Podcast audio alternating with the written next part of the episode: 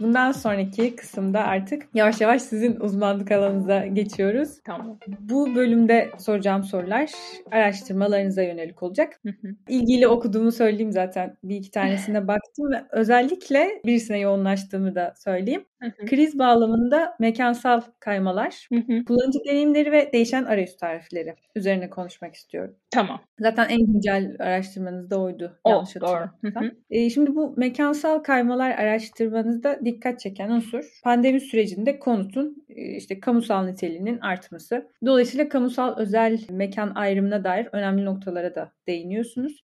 Bunu biraz açabilir misiniz? Yani dinleyicilerimizin de faydalanması açısından araştırma sırasında gözlemlediğiniz bu mekansal kaymalar neler oldu? Tabii. Şöyle biz aslında biraz galiba Aslı'yla, sevgili Aslı Uz- Uzunkaya ile gerçekleştirdik bu çalışmayı. Hemen ismini de Hı hı. zikredeyim sevgili arkadaşımın. Biz bu çalışmaya hem birer gözlemci hem çevrim içi e, online tasarım eğitimi veren iki akademisyen e, hem de pandemiyi birebir deneyimleyen iki kadın olarak yazdık. Bizim kendimiz de zaten o mekansal kaymaları birebir deneyimliyorduk ve kendi aramızda gerçekleştirdiğimiz sohbetlerden bu çalışma ortaya çıktı. Sonra benim o hani sorularımı hemen araştırmaya dönüştürme şeyim As, Aslı'nın çevikliğiyle birleşti ve biz e, hemen bir araştırma kurgusu yaptık ve şeyde de yeni terminoloji keşfetmeye de çalıştık aslında. E, bunlar Hı budur diye nihayetlendirmiyoruz makalede de. Fakat önerilerimiz var. 6 tane mekansal kaymaktan bahsediyoruz aslında. Öyle özetleyebilirim sanırım. Çünkü biz arayüz ölçeğinde çalıştık. Yani Aslı mimar, ben şey plancısıyım. Ee, bizim biraz önceki aslında sorunun da yani bir önceki bölümün son sorusunda söylediğim şey hani mimarların kendi parsel ölçeğinde çalışması ve şey plancının da dünyaya ve küresel ölçeğe kadar çıkabilmesinin arasındaki o kesişim noktasını biz şeye koyduk. Hani araştırmanın ana vurgusunu ve odağını da arayüze indirgedik. Bir dedik dış bakı ve dış doku. Birinci is- isimlendirdiğimiz şey buydu. Bu aslında meskenin içerisinden kamusal mekanla hem fiziksel hem de görsel temasın sağlandığı karşılaşma noktaları olarak tanımladık. Çünkü hakikaten evden çıkamadığımız zamanlar vardı. Ve işte tam da o noktada sokağa seyredebilmek, dışarıya bakabilmek önemliydi ama dışarıyla temas edebilmek de önemliydi. Zemin kat daireler örneğin bazen bazı e, yerleşimlerde ve tipolojilerde, morfolojik kurgularda hakikaten bahçeye açılan kapılar mesela çok ilginç bir şekilde kullanılmaya başlandı. İkinci bir e, şey boşluk tasarım. Aslında bu temel tasarımın boşluğu tabii ki. Biz bu noktada şimdi bir verili tasarlanmış var dedik. E, bu hani taken for granted'daki verili e, manasındaki bir verili Hı hı. olarak size mimar ya da iç mimar e, ya da mühendis bir mekanı tasarlanmış olarak veriyor ama kullanıcı orayı kendine göre uyarlıyor ya da uyarlayamadığında örneğin kiracı dolayısıyla orayı değiştiremiyor yani bir, bir şekilde e, herhangi bir müdahalede bulunamıyor o zaman uyumlanmak zorunda kalıyor. Ama şimdi pandemide o açıklığa yani boşluğa çok ihtiyaç arttı.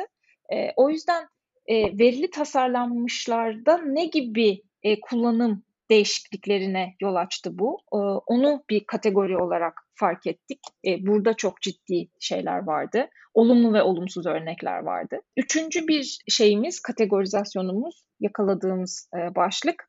Biz onu yakın sama diye e, şey yapmıştık, nitelemiştik. İs- İsmini böyle koymuştuk. Yakın parantez içerisinde sama parantezi kapat şeklinde. E, bu da e, bizim aslında birçok kullanıcımızın yakın çevresini ve yakın kamusal mekanlara erişiminin kısıtlı olmasını ama pandemi sürecinde işte o kısıtlar e, sürecinde bunları keşfetmeye başladıklarını yani kendi mahallelerini yürüme mesafesindeki e, kamusal mekanları tanımaya başladıklarını keşfetmiştik. Dolayısıyla e, yakın kentsel çevre algılarının da değişimini gözlemledik. Buna da yakınsama dedik. Sonra iki kategori daha var. Birisi evsel arayüz, birisi kamusal arayüz dediğimiz e, şeyler. Hı hı.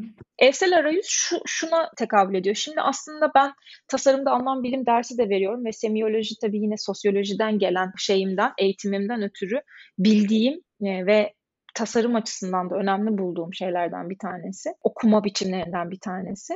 E, biz aslında bazı eylemleri bazı mekanlara atfediyoruz. Yani onlara öyle değerler biçiyoruz. Bu eylemler evde gerçekleştirilir, özel mekanda gerçekleştirilir ya da bu eylemler kamusal mekanda yani kamuya açık yerlerde gerçekleştirilir gibi. Ama hem teknolojinin gelişimi hem pandemiyle birlikte kısıtlar sebebiyle biz dışarıya atfedilen yani evin dışındaki ev, ev sınırlarının dışındaki yerlerde gerçekleştirilebileceği düşünülen birçok eylemin iç mekanda gerçekleştirildiğini gördük. Hatta tercih edildiğini gördük burada. Evet. Bu arayüzlere yani bu şekilde buna müsaade eden arayüzlere işte biz evsel arayüz dedik. Yani insanların ofislerini mesela salonda pencereye yakın kurgulamaları. Çünkü o bir dışarıya da bakmayı sağlayan yani kamusala açılan bir nokta kamusal bir eylemi normalde iş yerinde yarı kamusal bir ortamda gerçekleştirdiği eylemi insanların gerçekleştirirken ev sınırı içerisinde gerçekleştirirken de kamusala en yakın arayüzde gerçekleştirdiklerini gördük mesela. Hmm. Kamusal arayüz ise bunun biraz tersi bir e, şey, e, yorum. Bu da içeriye atfedilen eylemlerin dış mekana taşması şeklinde yorumladığımız bir şey. Yani normalde bizim özel ya da mahrem olarak kabul ettiğimiz eylemlerin artık yine kamuya açılan, kamusala doğru açılan arayüzlere taşınması olarak tarif ettik. E, burada da şöyle şeyler gördük mesela. Şimdi bizim özellikle apartman sisteminde e, bir dairenin kapısı var yani bağımsız birimin kapısı var. Bir apartmanın ortak kullanım alanları var. Bir de işte eğer apartman bir site içerisinde o sitenin ye ait alanlar var. Yani kamusallık seviyesi farklılaşıyor ya. Pandemide tabii özellikle artık yeni gayrimenkul sektörünün de zorlaması sebebiyle iç mekanı daha kompakt kullanma sebebiyle evet. birçok evde balkon yok. Ee, birçok evin antresi yok direkt sizi mutfakla karşılıyor mesela gibi. Tabii bunlar pandeminin özellikle ilk en kriz zamanlarında birçok insan için çok ciddi bir problemdi. Ne yaptı bu insanlar? Eve ait olan birçok şeyi dışarı çıkartmaya başladılar. Yani biz kapıların önünde bekletilen koliler, e, ayakkabılıklar, e, bunlar normalde edep, adap ve görgü gereği olmaması gereken, olduğunda ayıpladığımız şeylerken şimdi mecburiyetten hepimizin yaptığı şeylere dönüştü. E, hatta portmantosunu apartmanın kendi daire kapısının dışına taşıyan e, örnekler duyduk katılımcılarımızdan. Buna da kamusal arayüz dedik. Son olarak da bir de yedek mekanlar dedik. Bu çok tabii kullanıcının tarif edebildiği bir durum olmadı ama meskenin kendi e, fonksiyonel bölümlenmesinde artık kalan yani örneğin orası şu an işlevsiz ama yarın bir gün bebekleri olduğunda kullanmak için var olan bir odaları varsa ya da işte tek başına yaşıyor. Üç oda bir salon ya da iki oda bir salon bir evde yaşıyor ve bir oda aslında onun için normalde gündelik hiçbir yaşamsal değeri yok.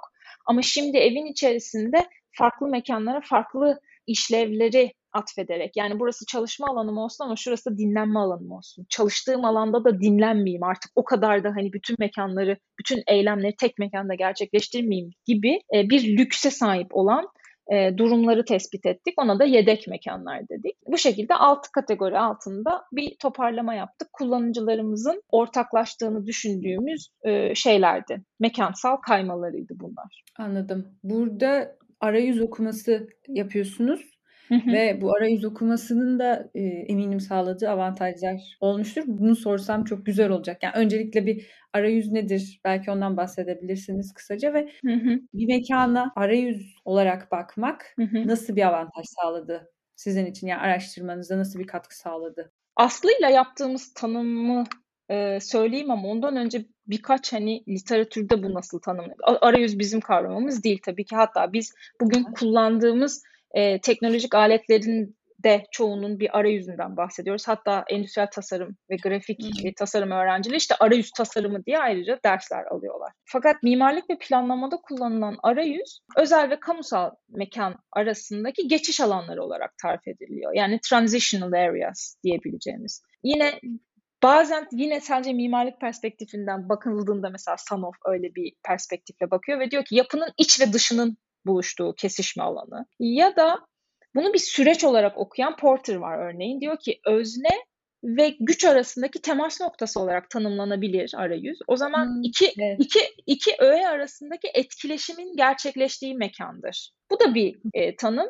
ve aslında belki de bizim aslıyla yaptığımız tanımın da altlığını oluşturabilecek bir tanım. Çünkü biz diyoruz ki kentsel mekan ve konuta dahil olan her ikisini de tanımlayan karşılaşma, dönüşme ve eklemlenme mekanları. Yani biz aslında böyle bir toparlama yaptık ve bizim de gördüğümüz şey buydu. Tabii bu biraz arayüz tasarımına çok da dikkat edilmemesiyle alakalı. Şu an e, bizim bu araştırmada görüştüğümüz kullanıcılardan, katılımcılardan hiçbirisinin çok kuvvetli bir arayüze sahip bir e, tasarlanmış, verili tasarlanmış mekanda yaşamıyordu zaten. Dolayısıyla evet. uyarlamadan çok uyumlanma durumları vardı. Yani değiştiremedikleri için e, madem elimde bu var ben buna nasıl uyumlanırım şeklindeydi. Hmm. Arayüzün tanımını bu şekilde yapacak olursak arayüz çerçevesinden bakmak bize kullanıcıyı öne koymayı getiriyor. Arayüzü bu şekilde okuduğumuz için biz mimar ve tasarımcıyı ya da şehir plancısını belki de hali hazırda tanrısallaştırılmış erkinden muaf tutan bir araştırma sürecini de aslında önemsedik. Yani dedik ki kullanıcı önemlidir. Biz kullanıcı için yapıyoruz. Ne yapıyorsak. İşin akademi tarafında kalan da aslında kullanıcı için çalışıyor. Ve kullanıcı uyumlanmak zorunda kaldığı bir şeyin içerisinde yaşıyorsa aslında bu bir problem. Evet. Ve arayüz tasarımı üzerinden bu okumayı yapmak bize bunu gösterdi. İkincisi mimarlık ve şehir planlamanın yine birbirinden ne kadar kopuk olduğunu da tekrar gösterdi. Yani şöyle söyleyeyim size. E, Kadıköy merkezde bitişik nizam, beş katlı konut altı ticaretin olduğu ve yoğun bir meskun alanda yaşıyorsanız ihtiyaç duyduğunuz kentsel açıklık çok farklıdır. Ama ben benim yaşadığım gibi maksimum 3 katlı apartmanların olduğu, ayrık nizam, her apartmanın kendine ait bir bahçesinin olduğu ve e, konut altı ticaretin olmadığı bir mahallede yaşıyorsanız ihtiyaç duyduğunuz e, kamusal açıklık ve alan çok farklıdır. Oysa ki bizde imar planları gereği belirli boşluklar var. Belirli boşlukların iyeleri var. İşte belediye, hazine vesaire gibi ve oralar değerlendirilmeye, yeşil alan olarak değerlendirilmeye çalışılıyor. Dolayısıyla ya ben Kadıköy'de e, evimin tek cephesinden ışık alan bir apartmanda oturuyorsam benim açıklığa ihtiyacım var ve benim gidip bir ağacın altında belki kitap okumaya ihtiyacım var. Ama benim gibi şanslı bir mahallede yaşıyorsanız da benim artık bir yere gidip kitap okumaya ihtiyacım yok. Onu evimin arka bahçesine yapabiliyorum zaten. Benim tam tersine koşmaya gitmeye ihtiyacım var. Benim çok daha farklı ya da benim insan görmeye, insan etkileşimine daha fazla ihtiyacım olan bir açık alana ihtiyacım var. Ama mimarlar ve plancılar birbirinden o kadar kopuk çalışıyorlar ki bu bilin, bunun bir kurgusu yok. Yani nasıl bir morfolojik e, strüktürün içerisinde, kentsel morfolojik strüktürün içerisinde nasıl konutlar tasarlanmalı ya da o konutların tasarlandığı yerde nasıl bir hani morfolojik strüktürün e, getirdiği açık alanlar kurgulanmalının cevabını bence veren e, şehirlerde yaşamıyoruz. Bu bize bu çalışmanın gösterdiği şeylerden bir tanesi bu oldu e, ve bu önemli bir eleştiri aslında. Evet, burada benim ben mesela şu örneğe rastladım araştırmada. Bu balkona çarşaf germe örneği dikkatimi çekti bu anlamda tam olarak. Yani hani hem kullanıcı deneyimini orada işte arayüz aracılığıyla e, ön plana çıkarmanız. Yani şimdi orada yani itiraf edelim birçoğumuz çarşaf gelen gördüğümüzde yadırgayacağızdır. Doğru. Yani bunu yadırgayacak çok fazla insan biliyorum. Ama sizin bu araştırmadaki anlamaya yönelik perspektifiniz, kullanıcıyı ön plana çıkaran perspektifinizin de bu yadırgamanın aslında ne kadar kısıtlayıcı olduğunu bence gösteriyor. Hı hı. Bana da bunu gösterdi okurken çok hoşuma gitmişti gerçekten bu hı hı. anlamda. Ve kimi yadırgayalım? Yani o çarşafı gereni mi yoksa o binayı yan binaya bu kadar yapan yakın yapanı mı buna izin vereni mi? İş bayağı genişliyor yani. Galiba işte orada kullanıcıyı yadırgamamak gerekiyor. Yani kullanıcı size bir cevap veriyor onu yaparak. Evet. E, sizin onu görmeniz gerekiyor. Yani biz bu çalışmada galiba onu görmek için kendimizi zorladık. Çünkü normalde işte hepimiz gündelik hayatlarımızın bir parçası olarak kendimize benzeyen insanlarla görüşüyoruz. Kendimize benzeyen insanların evine gidiyoruz. Kendimize benzeyen sosyoekonomik sınıfla temas halindeyiz. O yüzden bu tip hani normalde yadırgadığımız şeyler hep başkaları. Ama biz o başkaları için evet. tasarlıyoruz değil mi? Yani hani evet. siz İlayda ya da ben Melis olarak tasarladığımız alanları kendi arkadaşlarımız ya da ailemiz için değil işte başkaları için tasarlıyoruz. Tam da o noktada tasarımcının kendi dünyasından bir çıkması lazım. Hı hı. E, ve o arayüz bize onu gösterdi. Yani biz kendi dünyalarımıza ve kendi doğrularımıza o kadar tutunuyoruz ki ve onları evrensel doğru kabul ediyoruz ki işte o ciddi bir problem. Yani Taksim Meydanı'nı e, Avrupa'daki bir meydana benzetmek e, ya da benzetmeye çalışan kentsel tasarım projeleri yapmak mesela bana çok sakil geliyor. Orası başka bir yer. Yani e, burası şey değil, adı nedir? Berlin değil, burası New York değil. Dolayısıyla hani burada ben mesela Kadıköy e, şey e, Taksim projelerini mesela o açıdan hiç beğenmemiştim yarışmadaki. Çünkü hiçbir tanesi gerçekten Türkiye'deki ya da İstanbul'daki hava durumunu, hava koşullarını, Taksim'in kullanıcı kitlesini, Taksim'in Taksimliğini dikkate almamıştı. Ama çok iyi kentsel tasarım projeleri miydi? Kesinlikle öyle. Ama oraya da yaparsınız ama X yerine de yaparsınız ama Y yerine de yaparsınız. Yani TOKİ'den ne farkı kaldı öyle olunca? Ne TOKİ konutlarının evet. her yerde birbirine benziyor olmasından ne farkı kaldı? Arayüz bize bunu gösterdi işte. Yani kullanıcı yöne koy. Kullanıcı önemlidir. Çok iyi. Bir sonraki sorum da araştırma sürecinin kendisine dair olacak. Yani çok boyutlu bir araştırma sonuçta bu. Ve uzaktan yürütüyorsunuz zaten pandemi koşulları ve pandemi araştırması zaten. Peki nasıl karar verdiniz yani bu araştırma yöntemine veya bu araştırma sürecinde sizi zorlayan süreçler oldu mu? Neler oldu? Araştırma sürecinde bizi zorlayan hiçbir şey olmadı. Fakat şöyle ben araştırma yöntemleri konusunda dediğim gibi hem mekansal hem de sosyal bilimsel araştırma yöntemlerine hakim olduğum için genelde karma yöntemleri kullanmayı zaten tercih ediyorum. Ve bizim de çevrim içi eğitime de başlamış olmamız bize yeni normalde bilmediğim platformları tanıtmış oldu. Mural, Miro gibi kendi derslerimizde Hı. kullandık onları. Ben daha önce bilmiyordum mesela hani e, pandemiden önce bu platformları. Ben de bu şeyde öğrendim. Hakeza Zoom'la da aslında pandemide tanıştık. Normal her etkinliğimizde ya da her araştırmamda olduğu gibi bir çağrı çıktık. E, sosyal medya hesaplarımızı kullandık ilişkilerimizi ve hani kar topu yöntemiyle onun dağılmasını sağladık. E, ardından ben top, bu tip hani bilimsel araştırmalarda sadece bir kağıt ve onam formunun imzalatılmasını değil, bayağı herkesin bir araya gelip araştırmacılara sorular sorabileceği açık platformları önemli buluyorum. Dolayısıyla bir tanışma toplantısı yaptık. Hem tüm katılımcılar birbirlerini görmüş oldu, hem de herhangi bir katılımcının aklına gelebilecek soruyu e, biz e, açık bir mekanda yani Zoom tabii bu e, cevaplamış olduk. Böylelikle daha sonradan aklına gelebilecek insanların aslında bir nevi odak grup toplantısı o. Çünkü birisinin evet. aklına gelen bir şey başka birisinin aklını tetikliyor. E, o tanışma toplantısından sonra herkese e, bir mural panosu hazırladık. Herkesin kodları vardı. Kimse artık kimsenin kim olduğunu bilmiyordu. Yani birbirlerinin kim olduklarını e, gördüler Zoom toplantısında ama muraldeki onlara atfedilen panodaki e, şifreleri sadece biz biliyorduk. Yani onlar Z1'di, Y2 idi, e, D 3'tü mesela. Biz biliyorduk kimin kim olduğunu. E, kimin oraya kime ait tabii. Kimse Anladım. bilmiyordu evet. Ve herkes oraya e, kendi evindeki, arayüzündeki ve yakın e, kentsel e, çevredeki kullanım alanlarından yaptıkları uyumlanma ve uyarlamalara dair fotoğraflarını koydular. İsterlerse oraya açıklamalar da yaptılar. Biz de yaklaşık e, minimum herhalde bir saatle 3 saate kadar çıkan da oldu. Zoom görüşmeleri yaptık. Bir kısmını Aslı, bir kısmını ben, bir kısmını ikimiz birlikte yürüttük. Daha sonra bu görüşmeler deşifre edildi.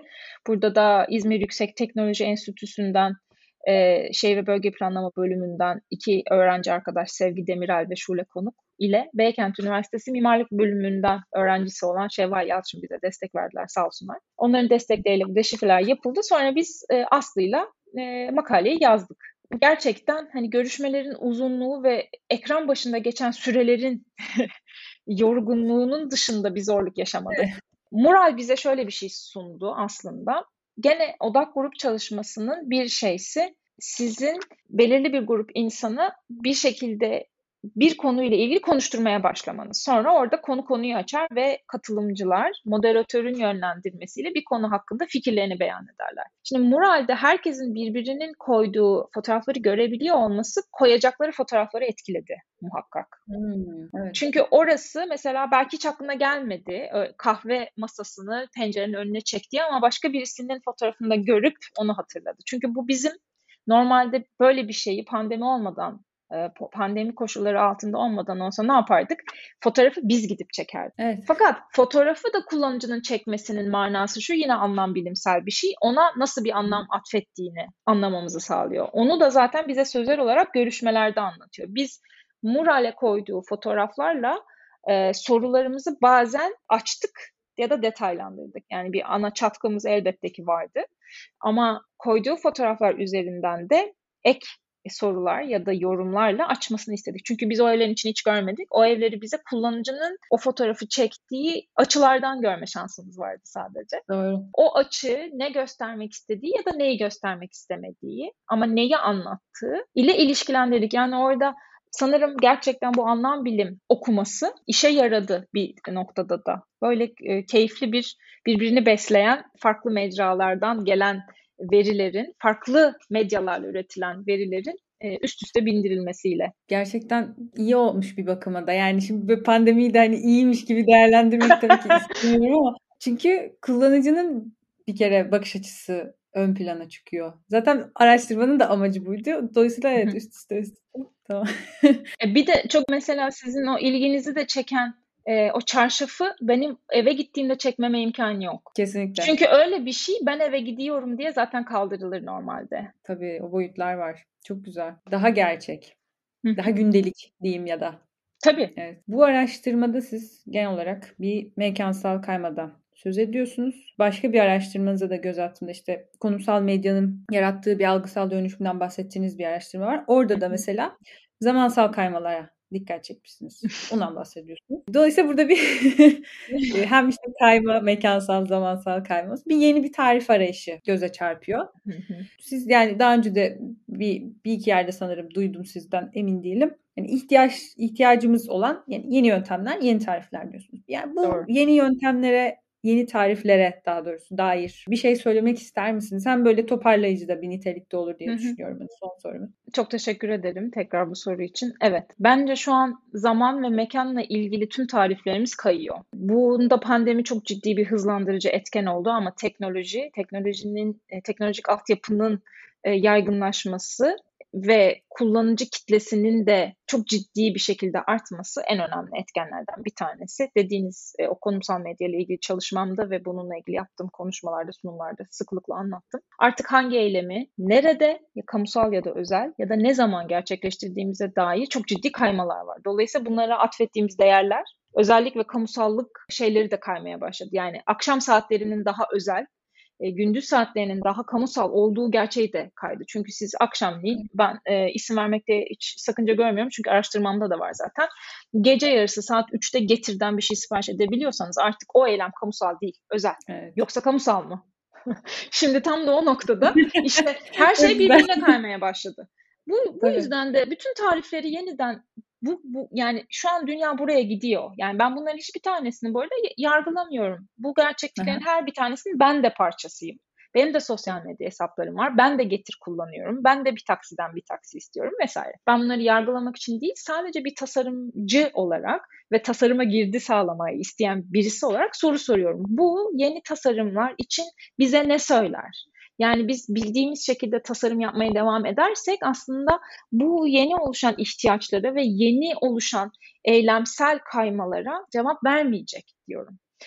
Ben tarif yapmaya mesela Aslı ile bu çalışmada denedik. Yani o size biraz önce e, işte anlatmaya çalıştım mekansal kaymalara bir tanım koymaya çalıştık ama hani onlar nihayidir ve bu budur dediğimiz şeyler değil. Ama yöntem konusunda daha e, kendime güveniyorum. Yani bir kere artık tek e, nice, sadece niceliksel ya da sadece niteliksel yöntemler galiba çalışmayacak. Yani hmm. sadece şeyleri, e, sorularımızın yanıtları ararken sayılara bakmak. 100 kişiye sorduk, 50 kişi böyle dedi. Bu bunu çalışmayacağı çok açık oldu. Niteliksel ve niceliksel araştırma yöntemlerini karma halde e, kullanmak ama aynı zamanda teknolojinin bize e, sunduğu biraz önce hani sizin de evet bu iyi olmuş pandeminin bu şeyi iyi olmuş dediğiniz nokta.